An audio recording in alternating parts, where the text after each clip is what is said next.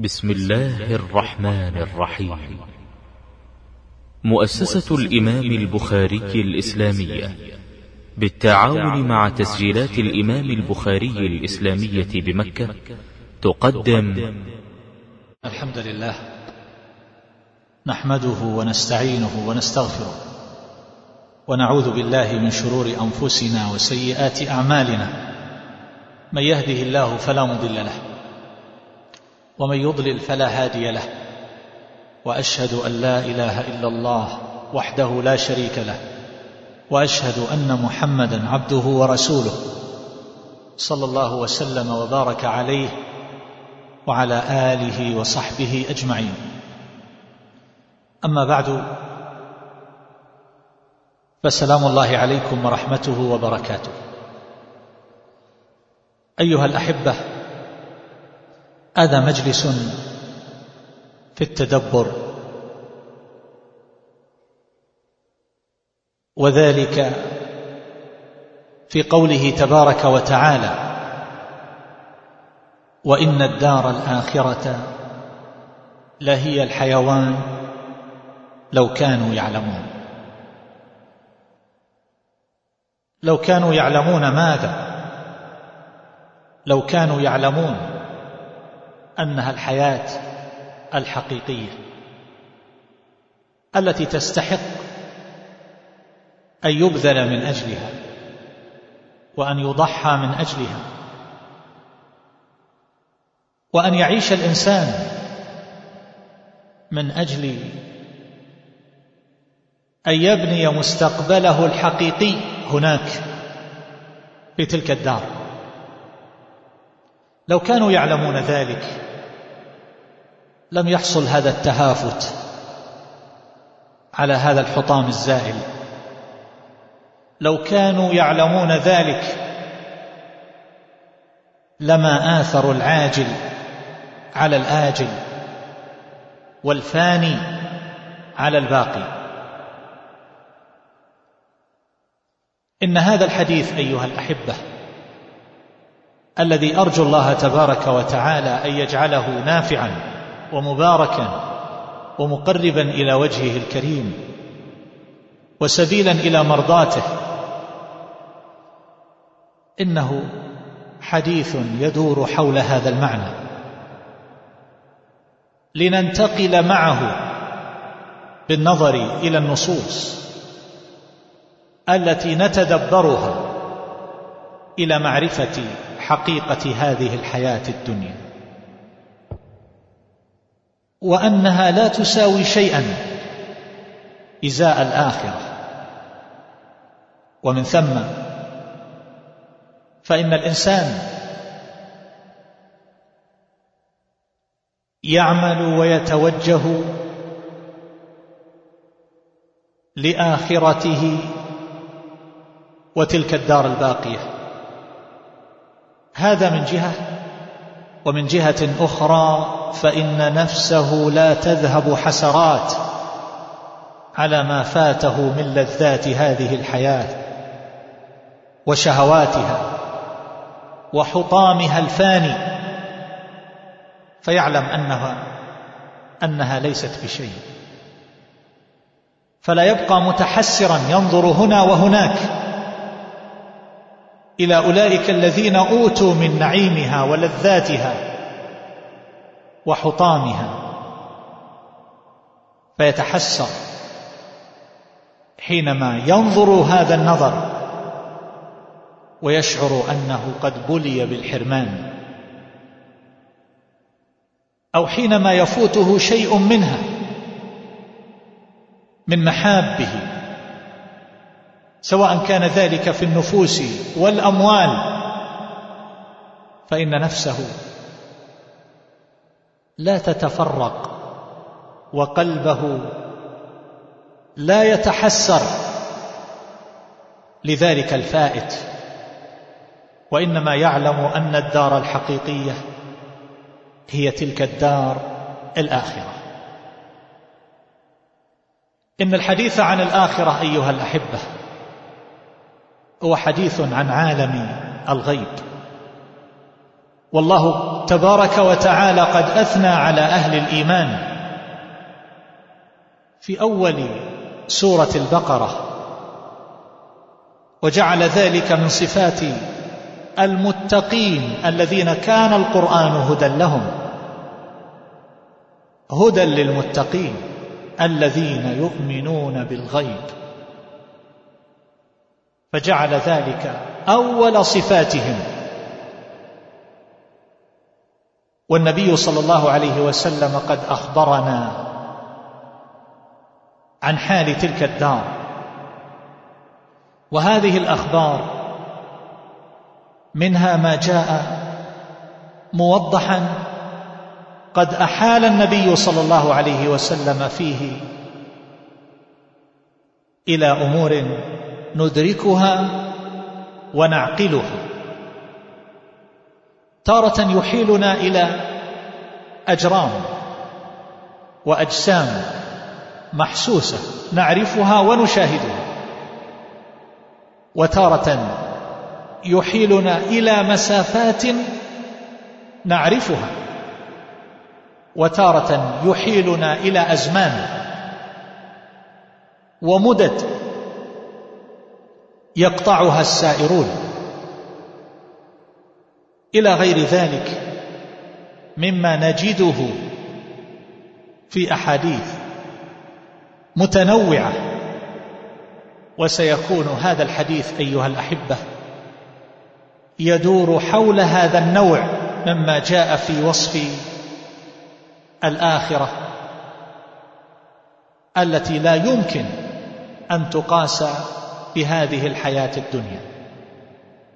وما نذكره في هذا الحديث أيها الأحبة إنما هو على سبيل التقريب.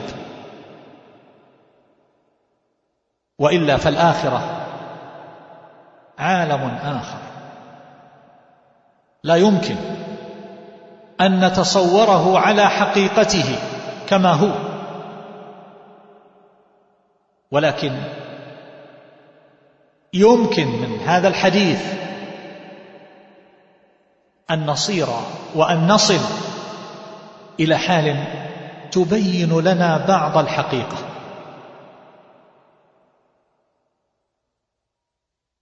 أيها الأحبة النبي صلى الله عليه وسلم قال أذن لي أن أحدث عن أحد حملة العرش.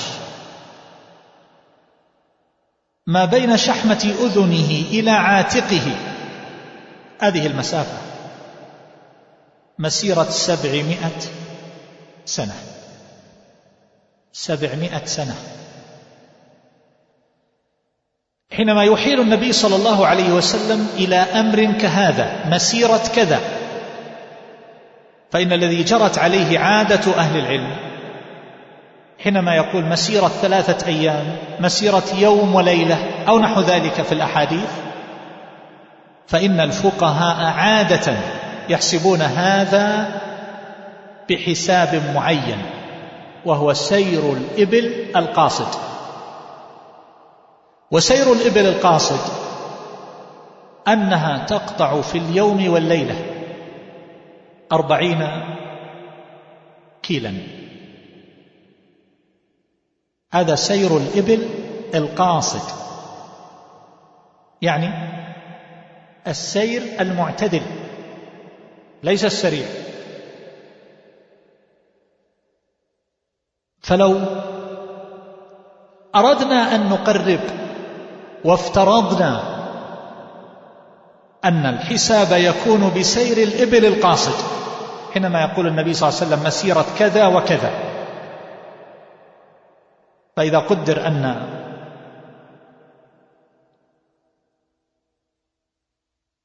الإبل تقطع أربعين كيلا في اليوم والليلة فنضرب أربعين بعدد أيام السنة إذا قدرنا أنها ثلاثمائة وأربع وخمسين يوما أعني السنة الهجرية. فتكون النتيجة. في السنة أربعة عشر ألف ومائة وستين كيلو متر سير للإبل القاصد المت... المتواصل. فإذا ضربت بسبعمائة تكون النتيجة تسعة ملايين وتسعمائة واثنى عشر ألف كيلو متر يعني قريب من عشرة ملايين كيلو متر هذا لو فرض للتقريب فقط. لا نقول هذه هي المسافة لكن نقول على سبيل التقريب هذا مجلس تدبر. افترض هذا هذا أقل تقدير. فتكون المسافة أيها الأحبة قريب من قريب من هذا. على هذا الافتراض. قريب من عشرة ملايين كيلومتر. هذه مسافة ذكرها النبي صلى الله عليه وسلم. مسيرة سبعمائة سنة فقط من هنا إلى هنا في مخلوق. ولو حسبناه بهذا الحساب على سبيل الافتراض نحن لا نقول هذه المسافة. في حسابنا هذا لكن نقول على سبيل الافتراض فكم يكون ضخامة هذا الملك؟ ما طوله؟ ما حجم الأرض بالنسبة إليه؟ لا شيء. لا شيء. هذا مخلوق من مخلوقات الله عز وجل. هذا أحد حملة العرش. إذا ما مقدار العرش؟ هذا لا يمكن أن تصل إليه العقول. لا يمكن أن تصل إليه العقول. فحينما نسجد لربنا وخالقنا جل جلاله وتقدست أسماؤه فنحن نسجد للعظيم الأعظم. الذي لا تحيط به العقول ولا المدارك ولا تصل إليه الأوهام. فهذا هو ربنا ومليكنا ومولانا جل جلاله الذي نتوكل عليه ونرجوه وبيده خزائن السماوات والأرض وهو العزيز القوي الجبار المتكبر الذي له الأسماء الحسنى.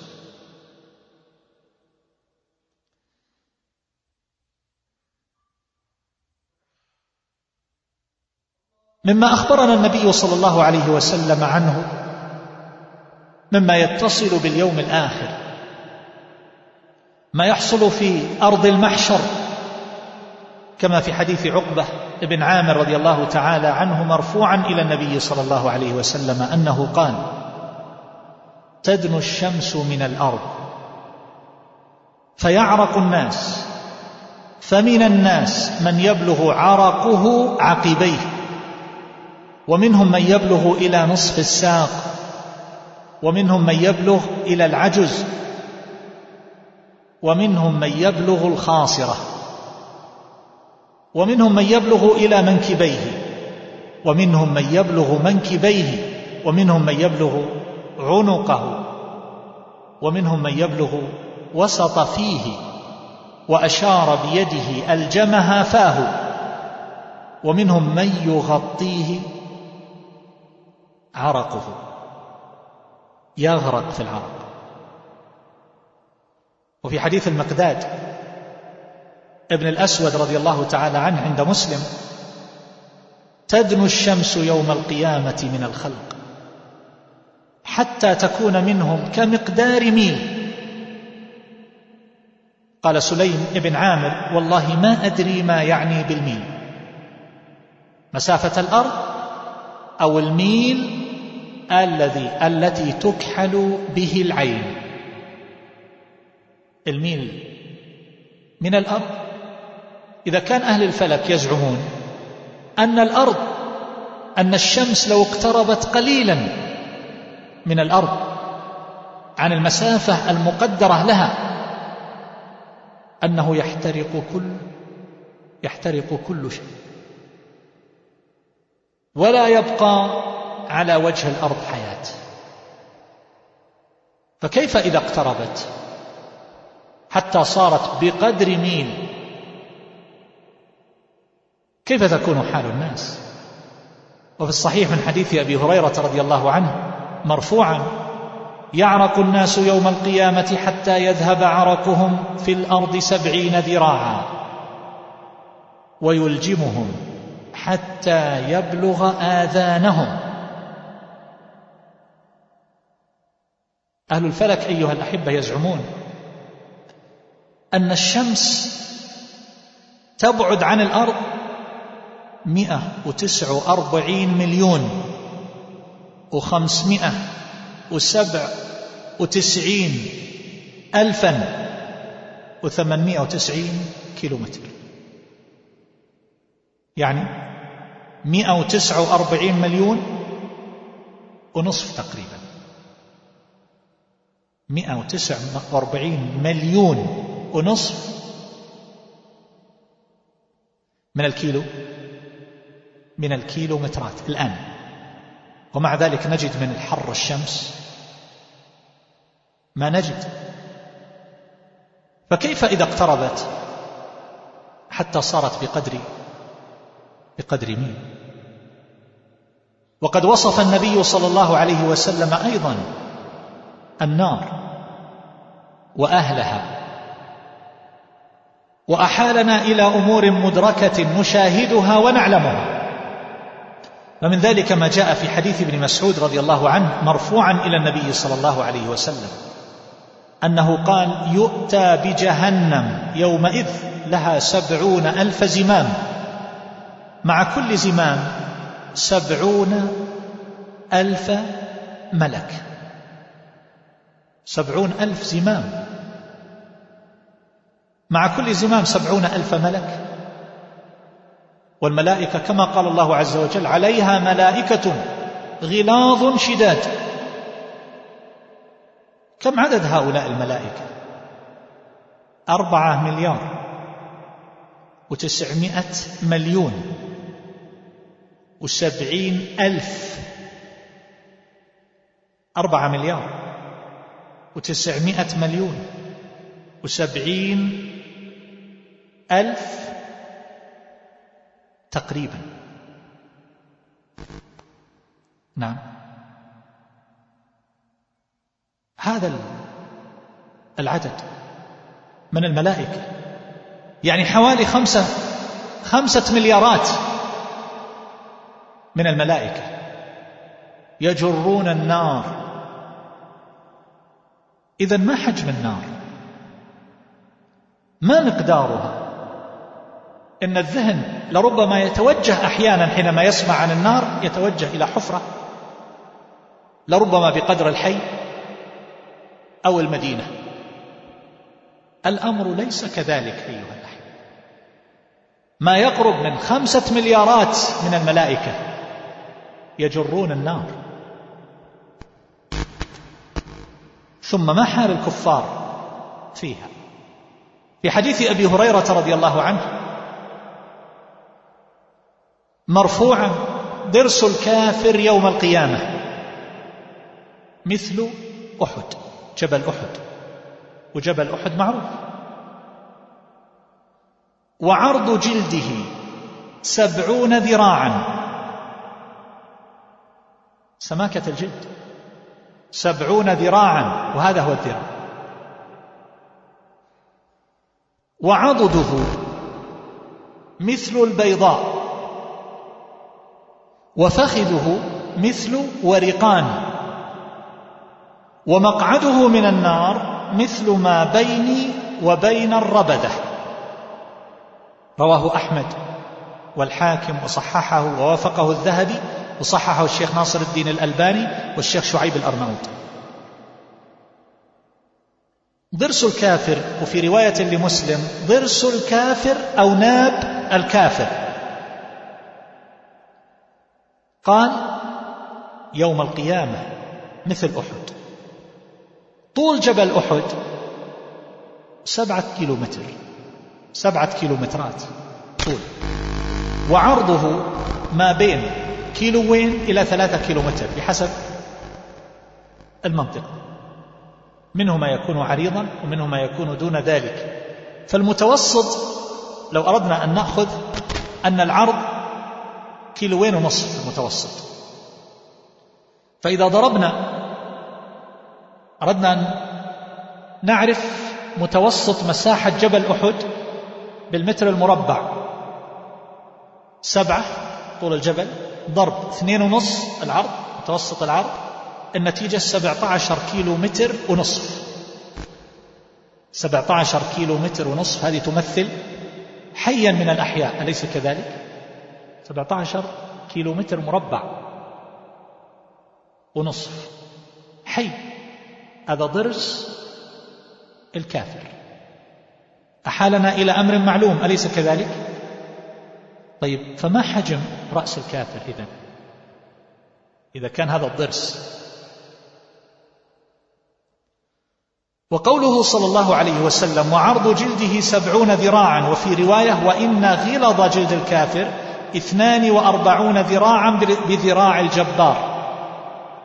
وفي رواية لمسلم وغلظ جلده مسيرة ثلاث. يعني مسيرة ثلاث ليالي. وإذا ذكرت الليلة عند العرب فاليوم تابع لها.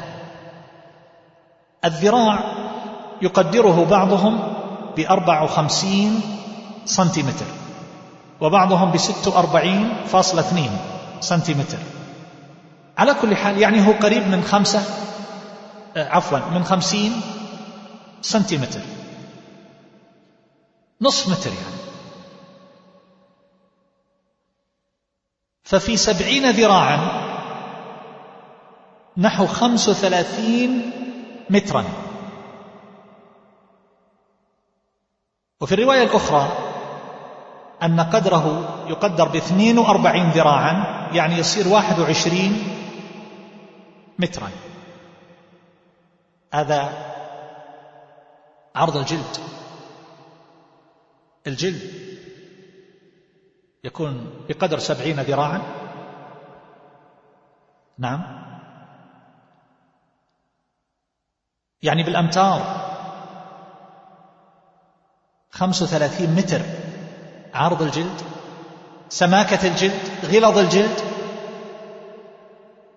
وبحسب الرواية الأخرى يكون واحد وعشرين مترا. مع أن الجلد كما يقرر أهل الطب والتشريح جلد الإنسان الآن هو واحد فاصلة خمس وسبعين مليمتر. وفي المناطق السميكة في الجسم يصل إلى اثنين مليمتر. اثنين مليمتر. وتعرفون أن الحروق أعاذنا الله وإياكم من ذلك على ثلاثة أنواع. حروق سطحية حروق متوسطة حروق عميقة. كل هذا على على واحد فاصلة خمس وسبعين مليمتر. فكيف بهذا الجلد اللي خمس وثلاثين متر؟ والله يقول كلما نضجت جلودهم بدلناهم جلودا غيرها ليذوقوا العذاب. وقوله صلى الله عليه وسلم بذراع الجبار فسره ابن قتيبة قال يعني بذراع الملك يريدون بالذراع الأكبر. ذهب بعضهم إلى أنه يقصد ملكا من ملوك العجم كان تام الذراع فنسب إليه تقول العرب بذراع الجبار. وبعضهم يقول ملك باليمن له ذراع معروف المقدار كما يقول ابن حبان. وبعضهم يقول ملك ببلاد العجم والجبار في اللغة الملك العظيم. والحاكم النيسابوري يقول جبار من جبابرة الآدميين ممن كان من القرون الأولى ممن كان أعظم. خلقا. وعلى كل حال المقصود أنها ذراع وافية. ليست بذراع قصيرة. هذا الجلد سماكة الجلد 35 متر. نعم. وأما قوله وعضده مثل البيضاء. البيضاء ما المقصود بها؟ قيل جبل وقيل موضع تلقاء حمى الربذة. منطقة. واسعة. وقوله وفخذه مثل مثل ورقان. ورقان جبل من جبال تهامة. يقولون على طريق مكة فأول جبل يلقاه إذا صدر مصعدا من مكة أول جبل يلقاه هو ورقان. جبل أسود أو أشهب عن يساره كأعظم ما يكون من الجبال. وبعضهم يقول إنه يبعد عن المدينة سبعين كيلو متر باتجاه مكة يعني جنوبا. وعلى كل حال المقصود أنه جبل كبير.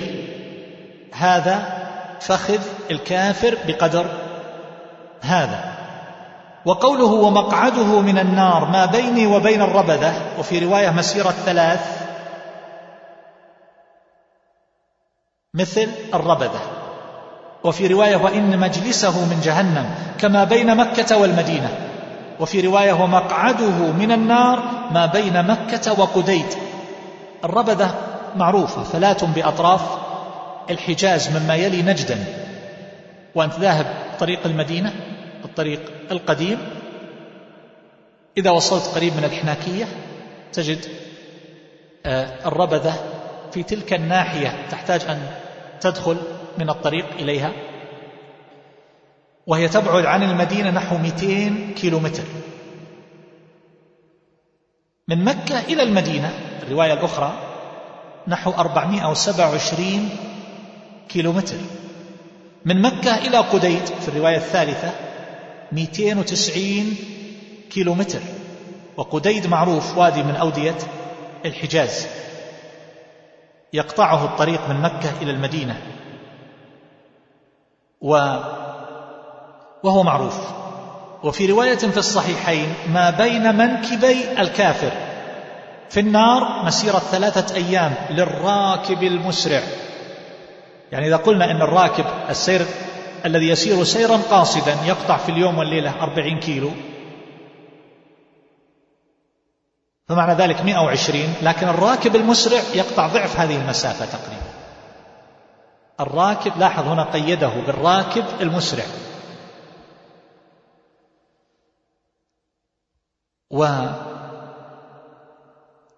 وتأملوا أيضا حديث ابن عباس رضي الله تعالى عنه مرفوعا عفوا موقوفا أنه قال لمجاهد أتدري ما سعة جهنم؟ فقال مجاهد لا. قال أجل والله ما تدري. أن ما بين شحمة أذن أحدهم وبين عاتقه مسيرة سبعين خريفا تجري فيها أودية القيح والدم. قال مجاهد أنهارا؟ قال لا بل أودية. هذا رواه الإمام أحمد في المسند وصححه الشيخ ناصر الدين الألباني. تأمل. مثل هذا هل يقال من جهة الرأي؟ الجواب لا.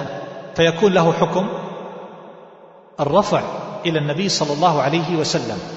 فابن عباس رضي الله عنهما يقول ما بين شحمة أذن الكافر وبين عاتقه مسيرة سبعين خريفا يعني سبعين سنة تجري فيها أودية القيح والدم. أودية. لو أردنا أن نقرب بسير الإبل القاصد هنا يقول سبعين خريفا نضرب أيام السنة 354 ضرب أربعين سير الإبل القاصد في اليوم.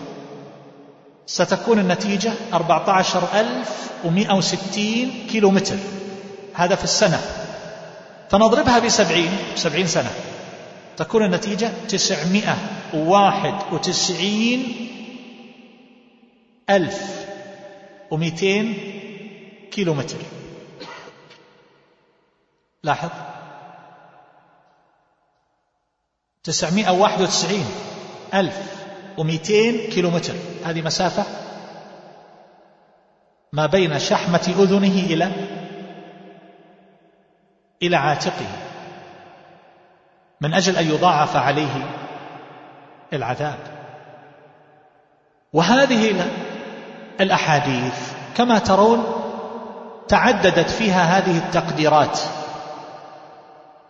وقد حمل ذلك بعض أهل العلم كالحافظ بن حجر رحمه الله وبه قال القرطبي في المفهم بأن هذه المقادير اختلفت بحسب اختلاف أحوال أهل النار لأن عذابهم يتنوع.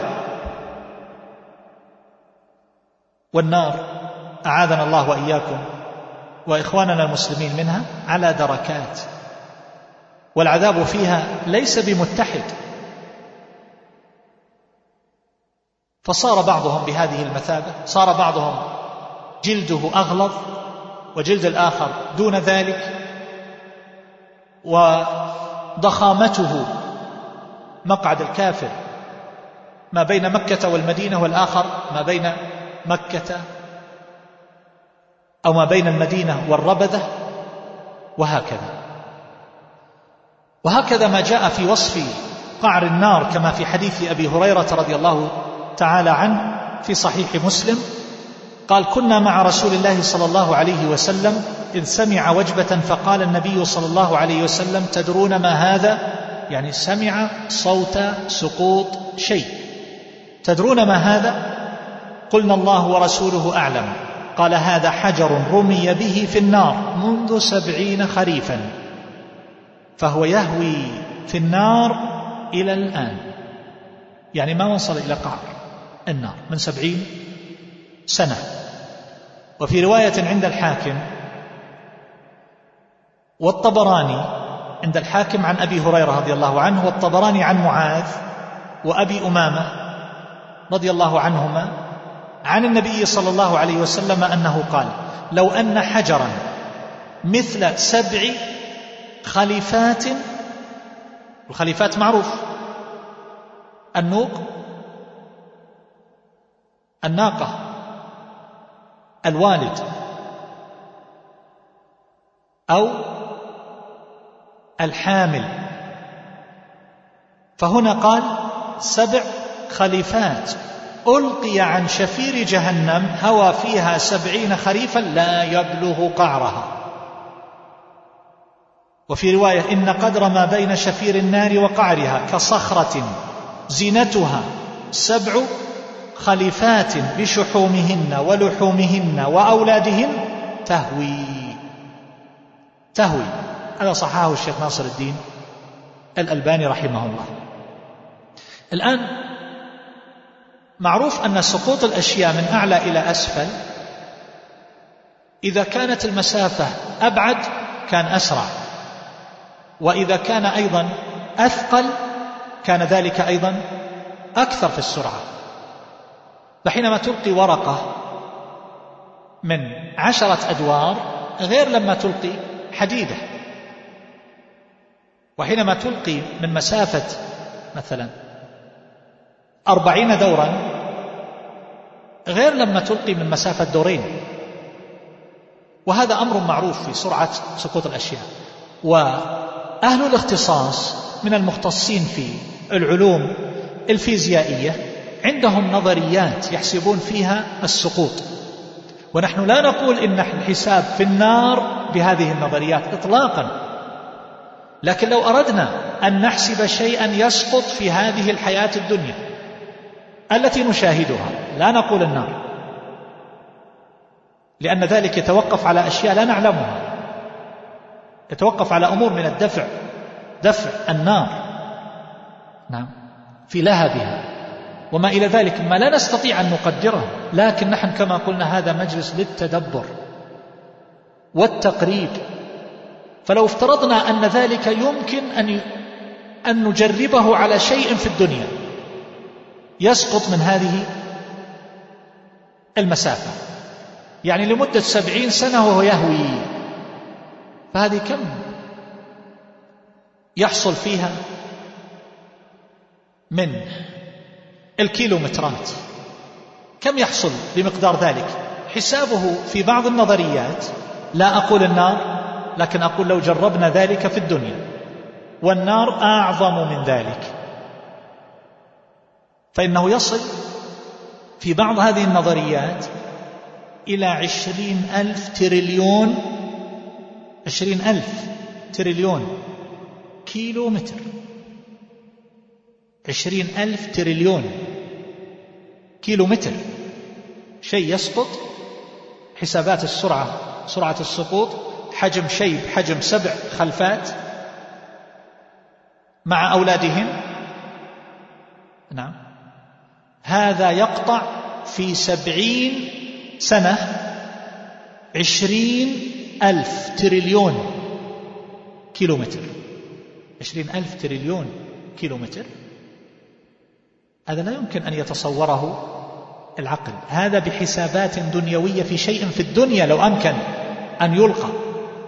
مع أن نعرف أن محيط الأرض أربعين ألف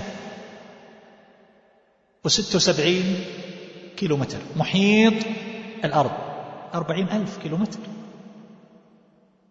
وقطر الأرض في خط الاستواء 12 ألف فاصلة سبعمائة وثلاثة وخمسين كيلو متر وأنت تتحدث هنا عن شيء آخر.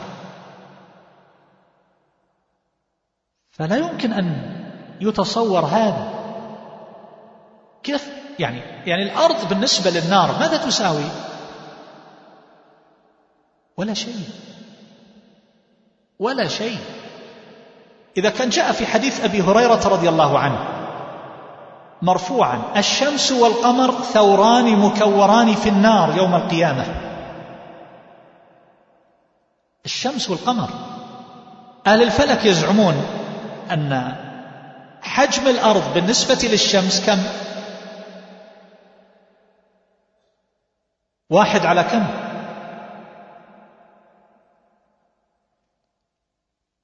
واحد على مليون. وثلاثمائة ألف؟ أو أنه واحد على مئة وثلاثين ألف. يعني أنه حجم الأرض بالنسبة للشمس الشمس أكبر من الأرض مئة وثلاثين ألف مئة وثلاثين ألف مرة. والشمس والقمر يكوران ويلقيان في النار. والله عز وجل يقول يوم نقول لجهنم هل امتلأت؟ وتقول هل من مزيد؟ بهذا الحجم الضخم الهائل يلقون فيها. حينما نصعد أيها الأحبة إلى مسافة عالية إلى مسافة مرتفعة إذا نظر الإنسان إلى الأرض أحيانا يصيبه الدوار. ويتخيل لو أنه سقط من هذه المسافة. حينما رأى الناس مشهدا مفزعا طالبات يتساقطن من الدور الثاني أو الثالث في المدرسة أو الرابع. شيء هائل. أليس كذلك؟ ولربما لا يتجاسر البعض على هذا السقوط. انظروا أيها الأحبة هذه المسافة كيف يهوي بها الكافر نسأل الله العافية. ويهوي إلى أين؟ لا يهوي إلى سطح جاف يسقط ثم يتمزق ويموت وانتهى. لا. لا. يهوي إلى مكان لا يموت فيه ولا يحيا. ويمشط ويجرجر بأنواع العذاب. ليس لي سنة ولا لمليون سنة ولا عشرة ملايين سنة ولا تريليون. أبد الآباد. إذا كان إنسان يعيش مدة ستين أو سبعين سنة أو نحو ذلك. فما قيمة هذه الحياة بالنسبة للبقاء الأبدي السرمدي في الآخرة؟ وجاء في حديث أنس رضي الله عنه مرفوعا إلى النبي صلى الله عليه وسلم لا تزال جهنم يلقى فيها وتقول هل من مزيد حتى يضع رب العزة فيها قدمه فينزوي بعضها إلى بعض فتقول قطن قط بعزتك وكرمك. فلا يملأها شيء من الآدميين على كثرة من يلقى فيها. وأما شدة حرها فقد جاء في حديث أبي هريرة رضي الله عنه مرفوعا ناركم جزء من سبعين جزءا من نار جهنم. قيل يا رسول الله إن كانت لكافية. قال فضلت عليها بتسعة وستين جزءا كلهن مثل حرها. نعرف درجة الانصهار يقولون 280 فهرنهايت. ولكن هذا هذه درجة الانصهار. وفي الدنيا ما هو أعلى من ذلك ومقاييس أخرى يعرفها أهل الاختصاص. يعني النار المحرقة والحرارة التي تخرج من إلقاء قنبلة نووية تحرق وتذيب كل شيء. في المكان هذه لا يستطيعون أن يقيسوها بأشياء محددة معينة يمكن أن تصل إلى هذه. إنما يقيسونها من بعد بطرق معينة يعرفونها لشدة الحرارة لأن كل شيء ينصهر بل النار التي تحت القشرة الأرضية المنطقة المنصهرة هذه لا يمكن أن يصل إليها ولا يقترب منها آلات يمكن أن تختبر درجة الحرارة وقياسات الحرارة هناك أبدا. ولذلك ما سمعتم من أصوات المعذبين ونحو ذلك هذا غير صحيح. ولا يمكن أن تصل أجهزة تسجل إلى تلك المنطقة المنصهرة ولا يقترب منها. لاحظ هذا في الدنيا. فكيف بنار جهنم؟ آلتي فضلت على هذه بسبعين بسبعين جزءا. هذا حديث أيها الأحبة عن النار.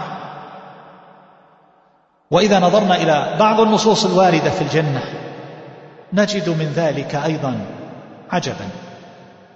ففي حديث حكيم بن معاوية عن أبيه معاوية بن حيدة رضي الله عنه مرفوعا إلى النبي صلى الله عليه وسلم. قال إن ما بين المصراعين من الجنة أو في الجنة مسيرة أربعين سنة وليأتين عليه يوم وإنه لكظيظ ما بين المصراعين يعني ما بين طرفي الباب. ما بين المصراعين. الباب له طرفان. فهذه سعة الباب. مسيرة أربعين سنة. ولا يأتين عليه يوم وإنه لكظيظ الكظيظ يعني الناس يتزاحمون بالمناكب يصطك بعضهم ببعض من شدة الزحام. الجنة لها ثمانية أبواب. ويزدحمون. الباب سعته مسيرة أربعين سنة. وفي حديث عتبة بن غزوان رضي الله عنه. وفي حديث عبد الله بن سلام أيضا. وحديث أبي سعيد الخدري رضي الله عنهم أجمعين. أن ما بين المصراعين كما في حديث ابن سلام في الجنة مسيرة أربعين سنة يزاحم عليه كازدحام الإبل وردت لخمس ظمأ من رأى الإبل وهي ترد على الماء إذا كانت في حال من الظمأ لو كان بينها إنسان سحقته لشدة اصطكاكها تصطك بقوة بأجسامها. فالناس يتزاحمون كإبل وردت لخمس يعني ما شربت خمسة أيام. وترد على الماء. لو رأيتم الإبل أيها الأحبة إذا كانت ظمأ لو أخذت كأسا على مسافة كيلومترات وأنت عند السيارة ورأتك من بعيد لجاءتك تسرع لمجرد رائحة الماء. فكيف إذا وردت على مواردها؟ وهي لخمس ظمأ ما شربت خمسة أيام. فهؤلاء يصطكون على باب الجنة يتزاحمون نسأل الله عز وجل يجعلنا وإياكم منهم ووالدينا وإخواننا المسلمين. يصطكون مسافة أربعين سنة. مسيرة أربعين سنة. سعة الباب الواحد. ويتزاحمون عليه. ما بين المصراعين أربعين سنة. لو حسبنا ذلك كما قلت بسير الإبل القاصد على سبيل التقريب والافتراض. ولا أقول هذه هي المسافة التي ما بين المصراعين لكن لنقرب نتدبر نفكر نتأمل. للتقريب سير الإبل القاصد الذي هو أقل ما يقدر به. إذا كانت في اليوم كما سبق تقطع أربعين كيلو متر نضربها بأيام السنة 354 المسافة تطلع 14160 كيلو متر في السنة. ضرب أربعين أربعين سنة يساوي خمسمائة وستة وستين ألف وأربعمائة كيلو متر خمسمائة وستة وستين ألف. سنجد أنها تحتاج إلى سبعمائة وثمان ساعات متواصلة. رحلة سبعمائة وثمان ساعات بسرعة ثمانمائة كيلومتر بلا توقف. في رحلة سبعمائة أو ثمان ساعات. أطول رحلة في العالم كم تبلغ؟ ستة عشر ساعة. خمسة عشر ساعة. أربعة عشر ساعة. هنا عندك سبعمائة أو ثمان ساعات نقربها بالأيام. تقسيم أربعة وعشرين. يطلع تسعة وعشرين يوم ونص. رحلة تسعة وعشرين يوم ونص. هذا فقط.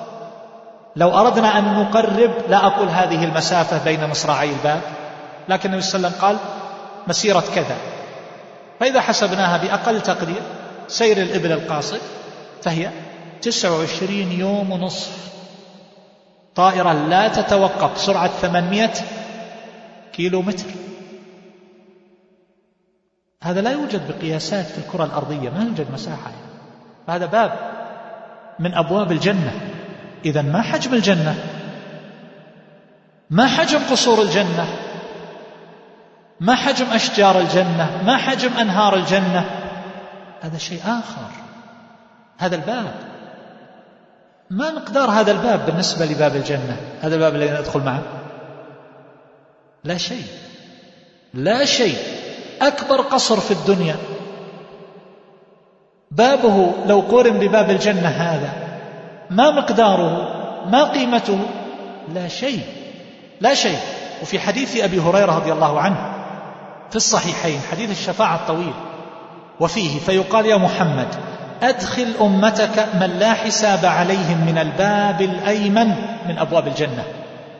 وهم شركاء الناس فيما سوى ذلك من الأبواب. ثم قال والذي نفسي بيده إنما بين المصراعين من مصاريع الجنة كما بين مكة وحمير أو كما بين مكة وبصرى. هذا حديث آخر.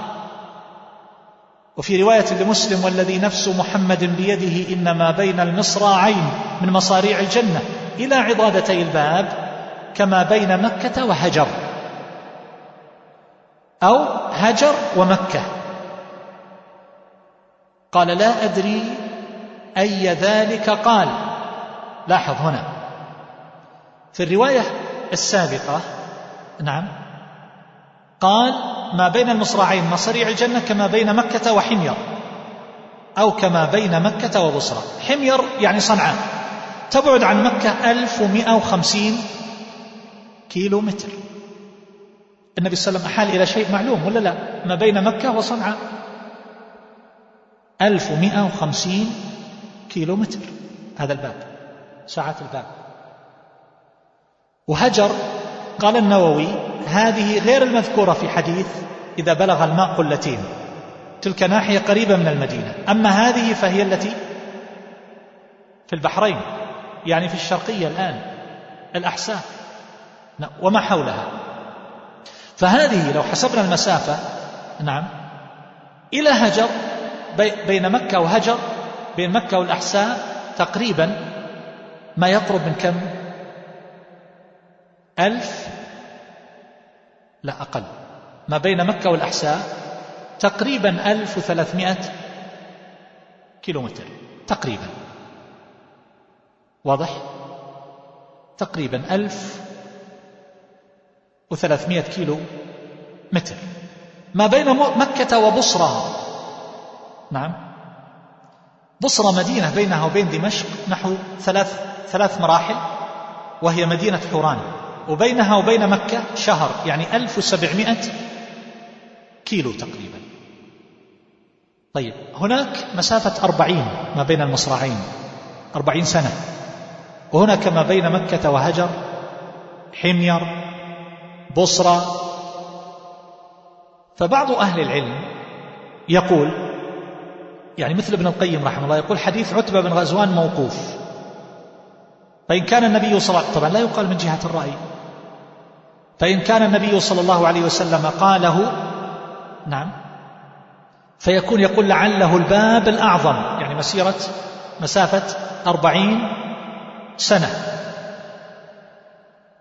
وباقي الأبواب تكون كما بين مكة وبصرة مكة وحمير مكة وهجر. يعني تتفاوت أبواب الجنة في السعة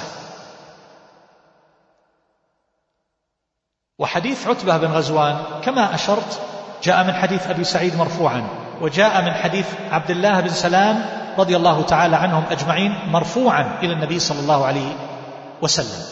فلا حاجة لتقديم حديث أبي هريرة على حديث عتبة بن غزوان لأنه لم ينفرد به بل جاء ذلك مصرحا برفعه من عن غيره من الصحابة رضي الله تعالى عنهم وأرضاهم.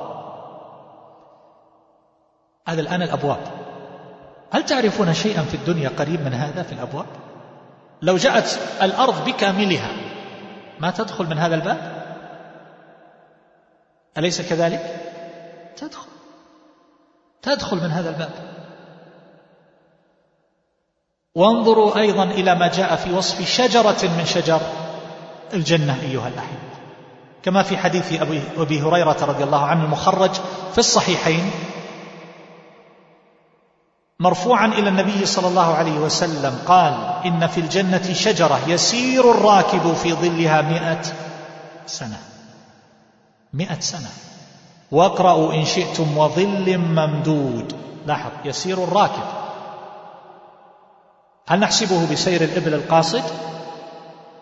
جاء في رواية لمسلم يسير الراكب الجواد المضمر السريع مئة عام ما يقطعها. لاحظ الأوصاف الراكب الجواد راكب على جواد فرس مضمر تعرفون المضمر؟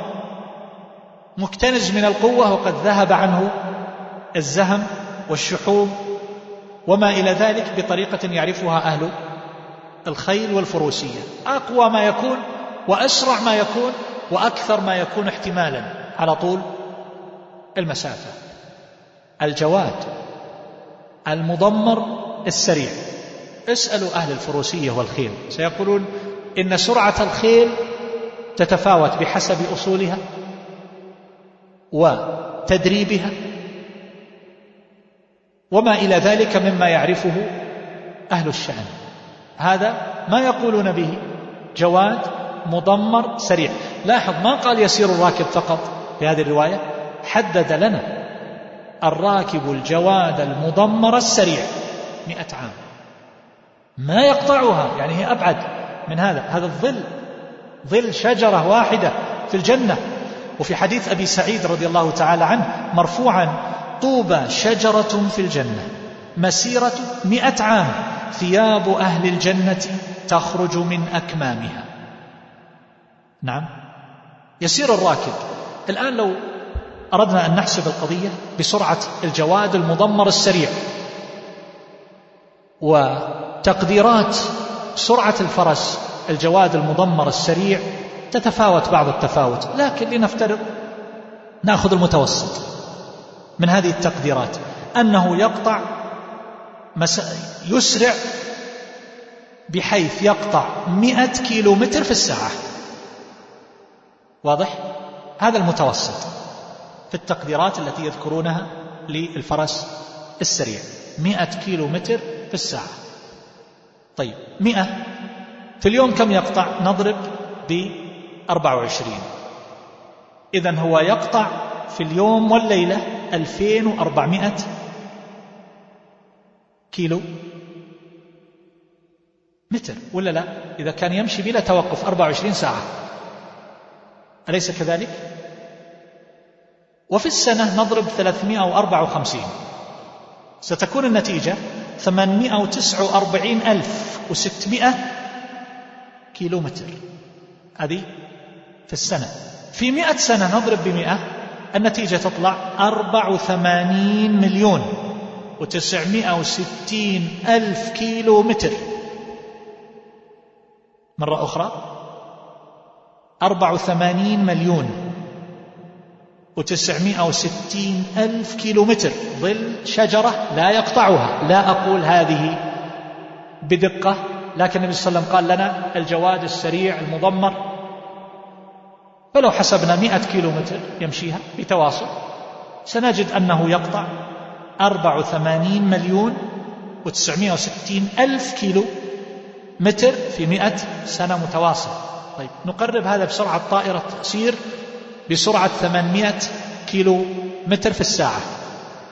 سنجد أنه يحتاج الطائرة وهي تسير في ظل هذه الشجرة ولا تقطعها.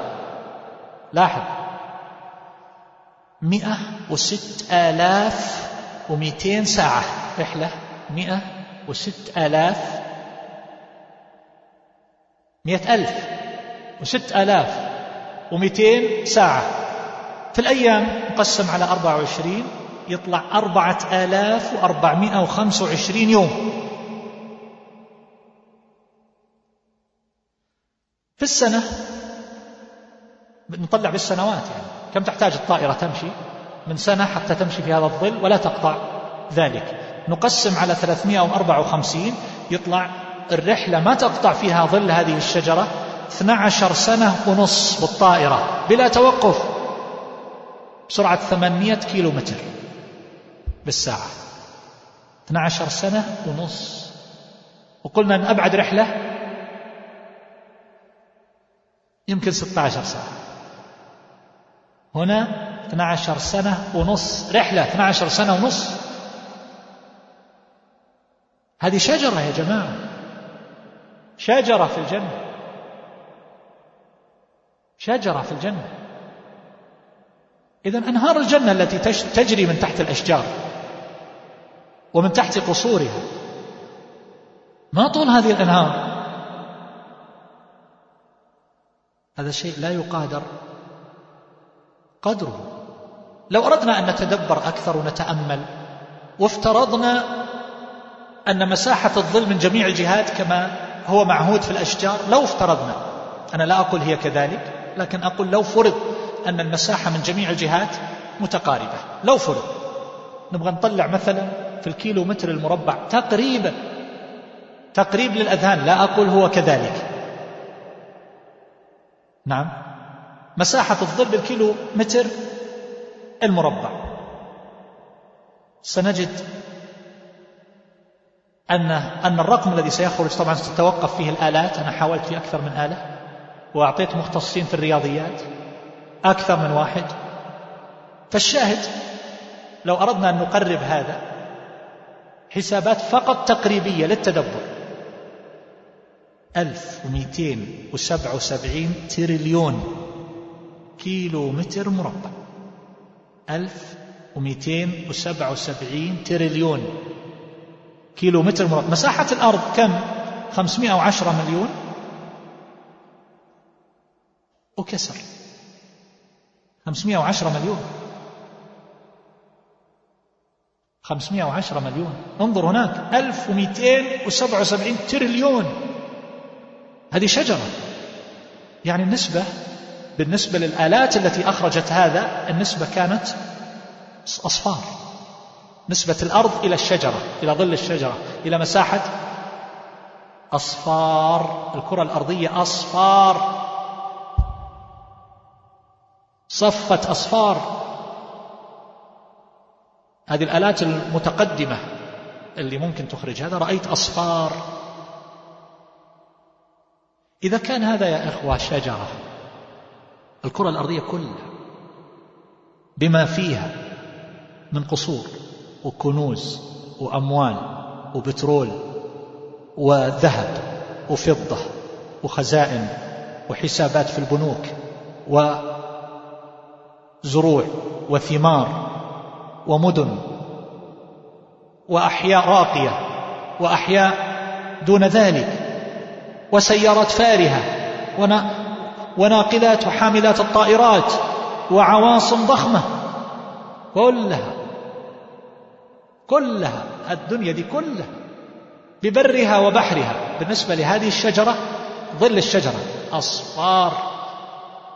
يعني ما تجي ما ما تصل نسبتها إلى هذه ولا حبة من الحمص. إلى شجرة.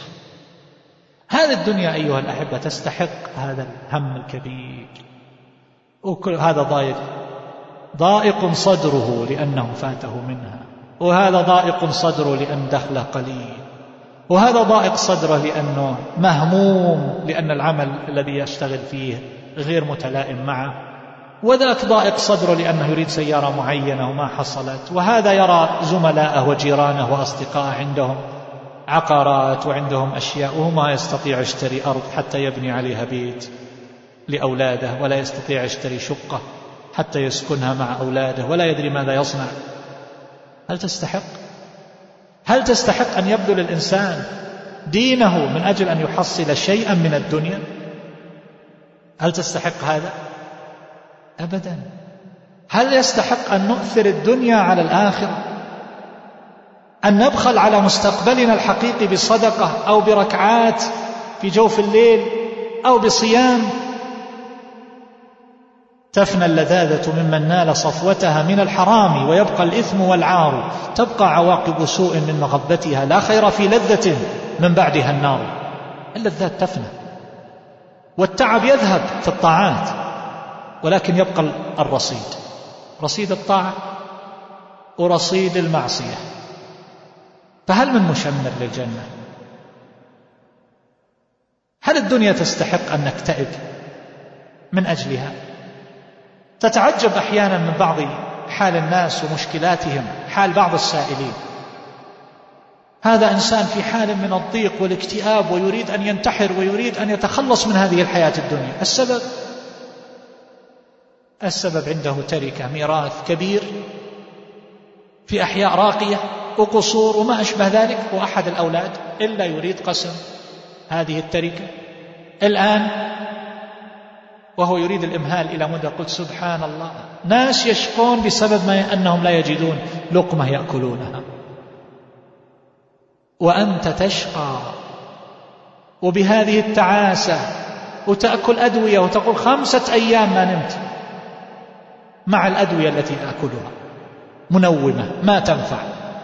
أشقاك الثروة والمال؟ ما فائدة إذن هذا المال؟ حينما صار سببا للشقاء وهذه الحسرات والبكاء. ينبغي أن نفكر أيها الأحبة وأن نخرج من هذا الضيق في التصور والتفكير ونعرف أن الآخرة عالم آخر. لا يمكن أن يقاس. بهذا العالم الذي نشاهده. ما قيمة اللذات؟ هذه الشربة التي نشربها أيها الأحبة والأكلة التي نأكلها إنما نستمتع بها لحظات وقت المضغ فقط. لكن قبل هل تستمتع؟ اجلس في أفضل المطاعم في الدنيا. هل تستمتع قبل الأكل؟ إذا كنت تستمتع انظر إلى الصور. أفضل أكلات في العالم انظر إلى الصورة واشبع. هل تستمتع بعد الفراغ من الأكل؟ أنتم الآن تستمتعون بأكل أكلتموه السنة الماضية؟ أو الأسبوع الماضي؟ أو البارحة؟ أو اليوم الظهر؟ أو العصر؟ الجواب لا. الاستمتاع فقط لحظة. هل هذا يستحق أن الواحد يأخذ من الحرام ومن الشبهات ومن أمور من هنا وهناك والرشا والربا؟ وأنواع السحت. أبدا. أبدا أيها والله لا تستحق. ولكنها الغفلة الغالبة والشح الغالب. ثم هذه الأشجار في الجنة أيها الأحبة هل هي مثل أشجار الدنيا. أبدا. صح من حديث أبي هريرة رضي الله عنه عن النبي صلى الله عليه وسلم ما في الجنة شجرة. إلا ساقها من ذهب. رواه الترمذي. وقال الألباني رحمه الله حسن صحيح. ما في الجنة شجرة إلا ساقها من ذهب. الروائح كم نشتري الطيب؟ أفضل الطيب. أفضل الطيب. أغلى الطيب. كم توجد رائحته؟ من مسافة كم؟ إلى مترين؟ ثلاثة أمتار أربعة أمتار لكن الذي في الحي الآخر يشمه الذي خارج البيت يشمه.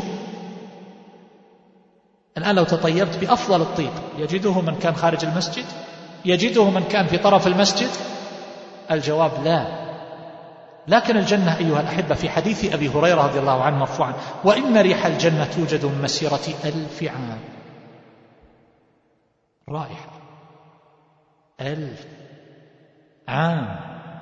وجاء نحوه من حديث أبي بكرة رضي الله عنه وفي حديث عبد الله بن عمر وريحها يوجد مسيرة سبعين عاما. ونحو من حديث عبد الله بن مغفل وأبي هريرة كلها أحاديث صحيحة. وفي رواية للبخاري وإن ريحها يوجد مسيرة أربعين عاما. ويوجد طيب أيها الأحبة في الدنيا يوجد من أربعين متر ألف عام. رائحة الجنة. إذا الذي يدخل ماذا يجد؟ وانظروا أيها الأحبة. ما جاء في وصف درجات الجنة. كما في حديث أبي هريرة رضي الله عنه. الجنة مئة درجة. ما بين كل درجتين. مسيرة مئة عام. وهذه أتركها لكم. احسبوها. كما سبق. للتقريب والتدبر. لا نقول هذه المسافة لكن يتدبر الإنسان مع نفسه. هذا مجلس تدبر. قد تكون هذه الطريقة في الطرح غير معهودة. وقصدا فعلت ذلك. قد نتحدث نذكر النصوص عن الجنة. من الكتاب والسنة. وهذا مطلب لكن أيضا نحتاج أن نفكر في هذه النصوص. حتى نعرف قدر الجنة. ونعرف قدر الحياة الدنيا. قال عفان كما بين السماء إلى الأرض والفردوس أعلاها درجة ومنها تخرج الأنهار الأربعة والعرش من فوقها. وإذا سألتم الله تبارك وتعالى فاسألوه الفردوس. في حديث ابن مسعود رضي الله تعالى عنه المخرج في الصحيحين قال قال رسول الله صلى الله عليه وسلم إني لأعلم آخر أهل النار خروجا منها وآخر أهل الجنة دخولا الجنة. يخرج رجل يخرج من النار حبوا فيقول الله له اذهب فادخل الجنة فيأتيها فيخيل إليه أنها ملأى. فيرجع فيقول يا رب وجدتها ملأى. فيقول الله عز وجل اذهب فادخل الجنة فإن لك مثل الدنيا وعشرة أمثالها. فيقول أتسخر بي أو أتضحك بي وأنت الملك؟ قال فلقد رأيت رسول الله صلى الله عليه وسلم ضحك حتى بدت نواجذه. قال فكان يقال ذلك أدنى أهل الجنة منزلة. لاحظ. هنا ادخل الجنة. فإن لك مثل الدنيا وعشرة أمثالها. ظاهره مثل الدنيا وعشرة أمثالها الدنيا من أولها إلى آخرها. ما الذي في الدنيا؟ ما نراه وما لا نراه. من الأموال والثروات والدفائن والكنوز. كم مضى من أول الدنيا إلى آخرها؟ وكم يأتي؟ مثل ذلك وعشرة أمثالة لأقل واحد. لأقل واحد. إذا أعلى واحد في الجنة كم يكون؟ له من النعيم. في حديث آخر لابن مسعود رضي الله تعالى عنه وقد ذكره الشيخ ناصر الدين الألباني رحمه الله في صحيح الترغيب والترهيب. وصححه في أدنى أهل الجنة منزلة. وفيه ألم ترضى أن أعطيك مثل الدنيا منذ خلقتها إلى يوم أفنيتها وعشرة أضعافه. هذا نص صريح بتفسير مثل الدنيا. يعني ليس كملك من ملوك الدنيا عشرة أضعافه. لا. وليس لعصر من العصور. وإنما منذ خلقها إلى أن أفناها. يا إخوان بعض الناس قد يحصل له سعي في عقار ما احتسبه ولا توقعه فيأتيه مثلا 14 مليون وهو إنسان فقير في عمل بسيط عمله فيقال لك سعي في هذا العقار. فبعض الناس قد يصاب بجلطة. بعض الناس يموت. لا يحتمل الصدمة. أربعة عشر مليون يخشى عليه. الدنيا من أولها إلى آخرها عشرة أضعاف لأقل واحد في الجنة. فيقول أتهزأ بي وأنت رب العزة؟ فيضحك الرب عز وجل من قوله. إلى أن قال. فيقول الرب جل ذكره لا ولكني على ذلك قادر. فيقول ألحقني بالناس. يعني في الجنة. فيقول ألحق بالناس. قال فينطلق يرمل في الجنة حتى إذا دنا من الناس. رفع له قصر من درة. فيخر ساجدا. فيقول يقول له ارفع رأسك ما لك فيقول رأيت ربي. أو تراءى لي ربي. رأى قصر. فيقال له إنما هو منزل من منازلك. قال ثم يأتي رجلا فيتهيأ للسجود له. فيقال له ما فيقول رأيت أنك ملك من الملائكة. فيقول إنما أنا خازن من خزانك. وعبد من عبيدك. تحت يدي ألف قهرمان على مثل ما أنا عليه. قال فينطلق أمامه حتى يفتح له باب القصر. قال وهو من درة مجوفة سقائفها وأبوابها وأغلاقها ومفاتيحها. منها يستقبله جوهرة خضراء مبطنة بحمراء فيها سبعون بابا. كل باب يفضي إلى جوهرة خضراء مبطنة كل جوهرة تفضي إلى جوهرة على غير لون الأخرى. في كل جوهرة سرر وأزواج ووصائف أدناهن حوراء. إلى أن قال عليها سبعون حلة. يرى مخ ساقها من وراء حللها.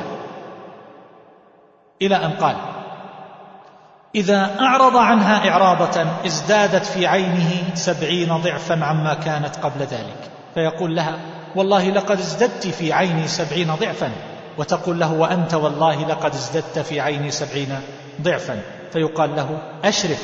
فيشرف.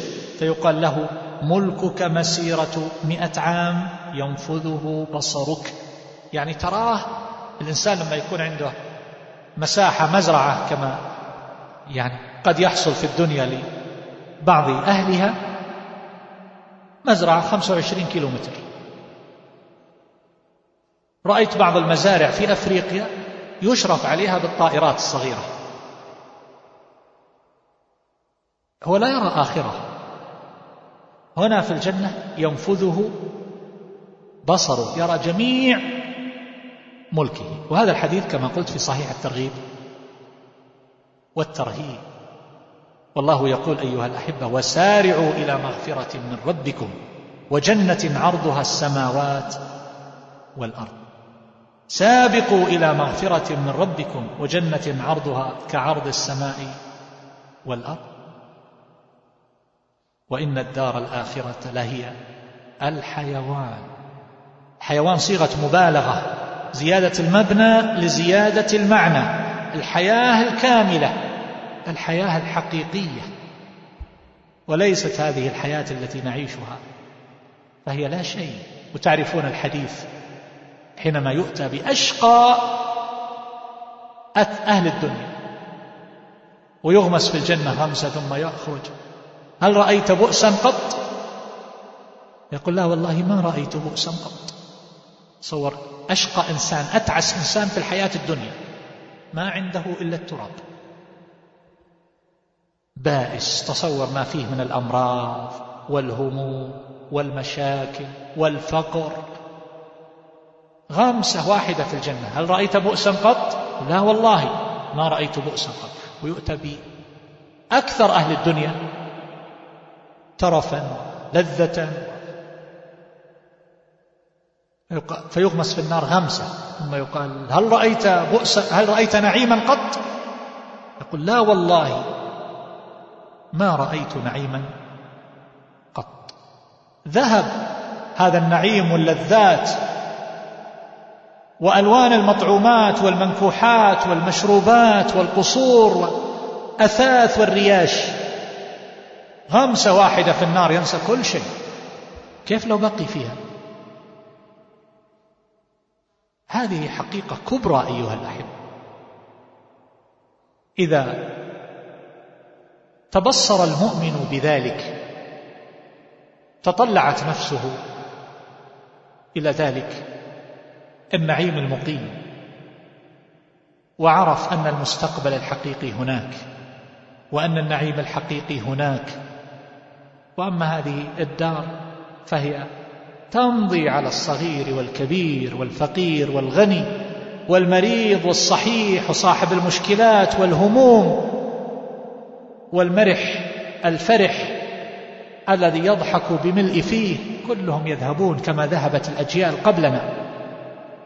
ذهبت بأهلها على اختلاف أحوالهم من غنى وفقر وسعادة وشقاوة وبقيت أعمالهم. إن هذا الحديث أيها الأحبة يجعلنا نخاف من الله جل جلاله ونتقيه ونراقبه لئلا نضيع الآخرة. إذا أراد الإنسان أن يعصي الله عز وجل تذكر. إذا عرضت له شهوة أيا كانت تذكر. ما يفوته ذلك من النعيم فأقصر وارعوى أنظروا إلى حالنا في هذه الحياة أيها الأحبة. إذا أراد الإنسان أن يتزوج كم يحتاج أن يجمع؟ ثم إذا تزوج هذه الزوجة قد لا تلائمه فقد يطلقها وقد يبقى معها على حال من حال غير مرضية قد لا يجد معها طعم السعادة. وإن وجدها فهي سعادة منغصة. واللذات كما تعلمون تنقضي بلحظات. وهكذا أيها الأحبة. ما يعانيه الإنسان في هذه الحياة حينما يريد أن يحصل شيئا من العيش وحينما يريد أن يحصل من مما يقيم به صلبه من مطعوم أو نحو ذلك. ما حال هذا؟ وكيف يتعب في تحصيله؟ ثم تكون كيف تكون حاله بعده؟ هذه قيمة هذه الحياة. هذه المرأة التي لربما تأسره بجمالها وحسنها وما إلى ذلك لا تكون النظرة قصيرة. انظر إلى آسرة الملايين قبل سبعين سنة. ما حالها الآن ومن يتزوجها بربع ريال. أليس كذلك؟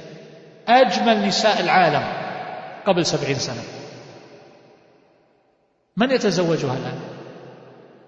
ذهب الحسن والجمال ذهب نضارة الشباب وذهب وتحول إلى شيء آخر. هذه حال الدنيا. ولو تأمل الإنسان فيما يتعلق به قلبه أحيانا من دون الله عز وجل فيشوش عليه قلبه ويتفرق عليه هذا القلب. فيفقد كثيرا من عبوديته لربه وخالقه جل جلاله. لو نظر إلى حال هذا الذي يتعلق به لوجد فيه ما يزهده به. ولكن الغفلة غالبة. أما الجنة ففيها أزواج مطهرة لا حيض ولا نفاس ولا استحاضة ولا ما وراء ذلك مما تعرفون. لا ترى شيئا تتقذر منه. وليس فيها حزن. وليس فيها غل وليس فيها مرض وليس فيها مشاكل ولا ضيق صدر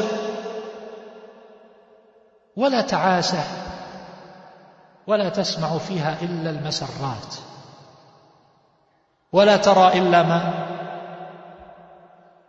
يشرح الصدر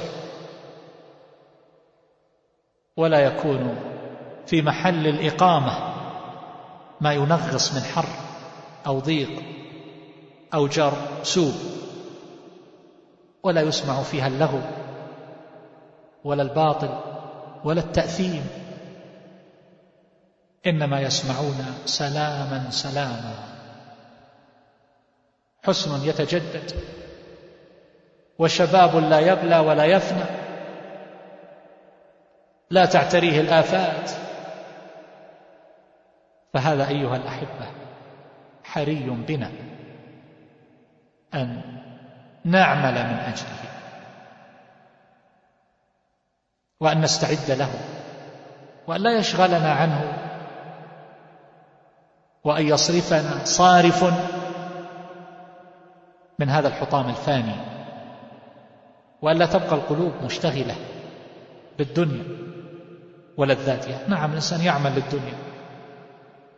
ولكن لا تدخل الدنيا قلبه فيكون عبدا لها. فنسأل الله عز وجل أن يجعلنا وإياكم من أهل الفردوس الأعلى ووالدينا وإخواننا المسلمين. اللهم ارحم موتانا واشف مرضانا وعاف مبتلانا واجعل آخرتنا خيرا من دنيانا. وأسأل الله عز وجل أن يوفق الجميع لما يحب ويرضى. جزى الله الشيخ خير الجزاء. ونفعنا وإياكم بما سمعنا. وإلى أن نلتقي بكم في إصدار آخر. تقبلوا تحيات أسرة تسجيلات الإمام البخاري الإسلامية بمكة المكرمة. هاتف رقم خمسة أربعة ثلاثة أربعة اثنان ست سبعة.